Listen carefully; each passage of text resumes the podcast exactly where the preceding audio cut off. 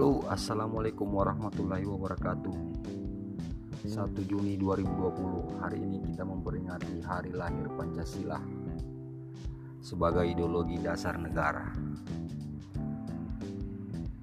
Pancasila, berbicara masalah Pancasila Tentu kita ketahui bahwa ini adalah dasar negara Acuan kita berbangsa bernegara. Hari ini tepat tanggal 1 Juni hari Senin saya menulis artikel yang berjudul Di manakah Pancasila? 1 Juni 2020 Indonesia memperingati Hari Pancasila tepat 75 tahun saat Insinyur Soekarno menyampaikan dasar negara Indonesia merdeka. Di depan sidang Badan Penyelidik Usaha Persiapan Kemerdekaan Indonesia BPUPKI 1 Juni 1945 Inilah awal dijadikan Pancasila sebagai dasar negara Republik Indonesia. Sudah barang tentu dasar inilah yang menjadi pijakan referensi bangsa Indonesia Untuk menjalankan kehidupan berbangsa dan bernegara. Bahwa Pancasila yang saya gali dan saya persembahkan kepada rakyat Indonesia Bahkan Pancasila itulah adalah benar-benar suatu dasar yang dinamis bahwa suatu dasar yang benar-benar dapat menghimpun segenap tenaga rakyat Indonesia atau dasar yang benar-benar bisa mempersatukan rakyat Indonesia yaitu untuk bukan saja mencetuskan revolusi tetapi juga mengakhiri revolusi ini dengan hasil yang baik kata Soekarno dalam pidatonya di hadapan sidang BPU BPU PKI tanggal 1 bulan 6 1945 Meskipun banyak pujian di dunia internasional saat Soekarno berpidato menjelaskan dasar negara Indonesia dengan berasaskan Pancasila. Di dalam negeri, nasi Pancasila timbul dan tenggelam sejalan dengan dinamika politik yang terjadi di dalam negeri. Hal ini sangat dirasakan oleh rakyat Indonesia. Berubahnya nilai-nilai ketuhanan, kemanusiaan, persatuan, kerakyatan, serta jauhnya rasa keadilan yang dirasakan oleh rakyat Indonesia. Tentu hal ini jauh dari nilai Pancasila yang diamanatkan oleh para pendiri bangsa. Ditambah lagi saat pemerintah mendirikan lembaga Badan Pembinaan Ideologi Pancasila BPIP. Lembaga ini berada dan bertanggung jawab kepada Presiden yang memiliki tugas membantu Presiden dalam merumuskan arah kebijakan pembinaan ideologi Pancasila. Ternyata tugas dan fungsi BPIP ini tak kurang bahkan lebih hanya lembaga yang menghabiskan anggaran negara tapi tak punya output terhadap pembinaan Pancasila itu sendiri.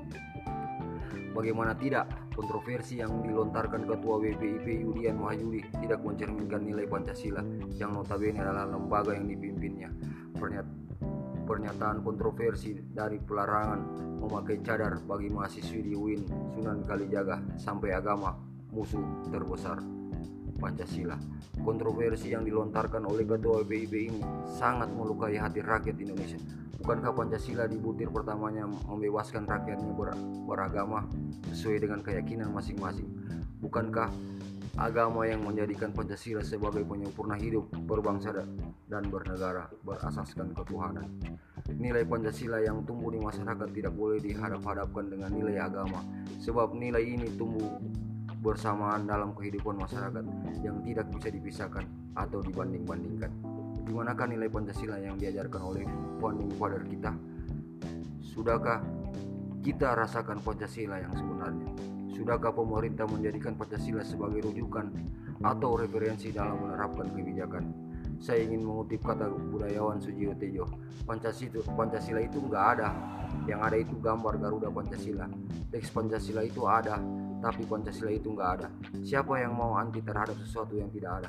Kalau Pancasila itu ada, air kita nggak beli, lapangan kerja gampang, perusahaan-perusahaan saldonya nol karena nggak ngejar harta titipan Tuhan. Kalau Pancasila ada, masa iuran kesehatan BPJS menjadikan masyarakat sampai kejet-kejet.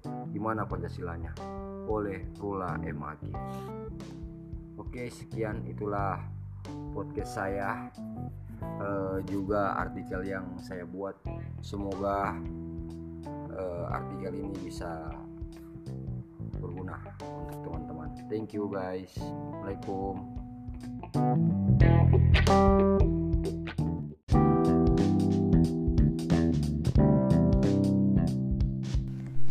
Halo.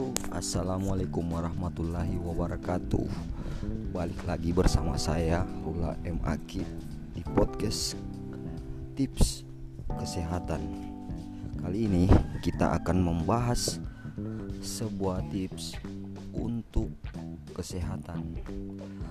Kita melansir berita dari kompas.com itu 6 manfaat makanan pedas, redakan pilek hingga cegah penyakit jantung. Kompas.com Makanan pedas menjadi salah satu jenis makanan yang paling digemari masyarakat di Indonesia. Bahkan ada saja orang yang merasa kurang nafsu makan apabila belum mencampurkan sambal pada makanannya. Tak hanya nikmat, makanan pedas ini rupanya bermanfaat juga bagi kesehatan. Tentu jika dikonsumsi secara tepat, manfaat itu merujuk pada kandungan nutrisi cabai sebagai sumber rasa pedas pada makanan ada beragam nutrisi di dalam cabai yang bermanfaat untuk kesehatan seperti protein, karbohidrat, gula, ser serat, lemak, vitamin A, vitamin B6, vitamin C, zat besi, magnesium, kalium, air, capsaicin. Manfaat makanan-makanan pedas. Melansir buku Membuat Aneka Olahan Cabai 2014 oleh Suyanti Rasa pedas yang mendominasi cabai disebabkan karena adanya kandungan senyawa capsaicin. Zat ini pula yang membuat cabai atau makanan pedas bisa memiliki beragam manfaat kesehatan. Berikut beberapa di antaranya. 1. Menambah nafsu makan. Selain bertanggung jawab terhadap rasa pedas, capsaicin pada cabai juga berkhasiat sebagai penambah nafsu makan. bagi orang bagi orang-orang yang sudah terbiasa mengkonsumsi makanan pedas biasanya nafsu makanan akan berkurang apabila tidak menyertakan cabai atau sambal pada makanannya.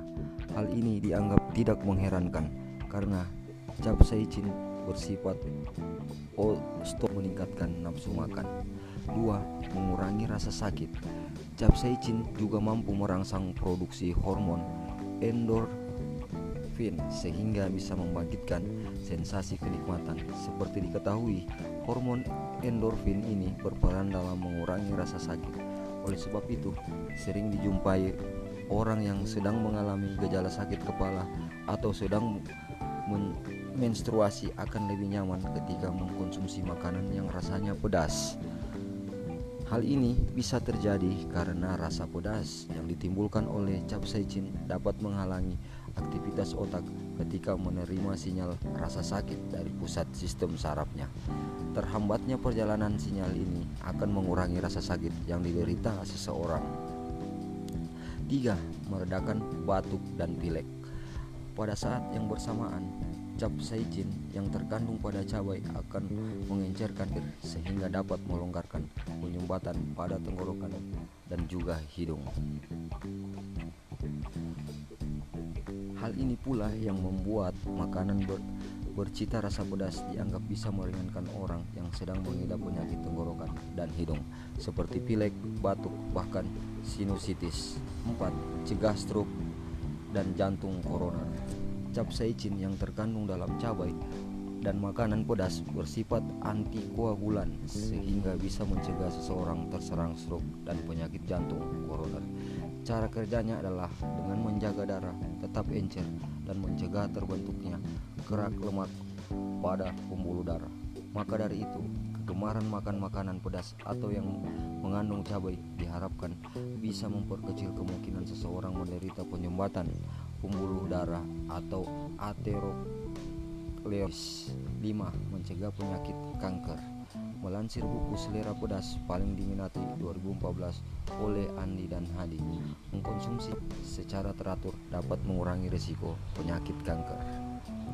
Kandungan karotenoid pada cabai memiliki sifat antioksidan sehingga dapat melawan sel-sel penyebab kanker.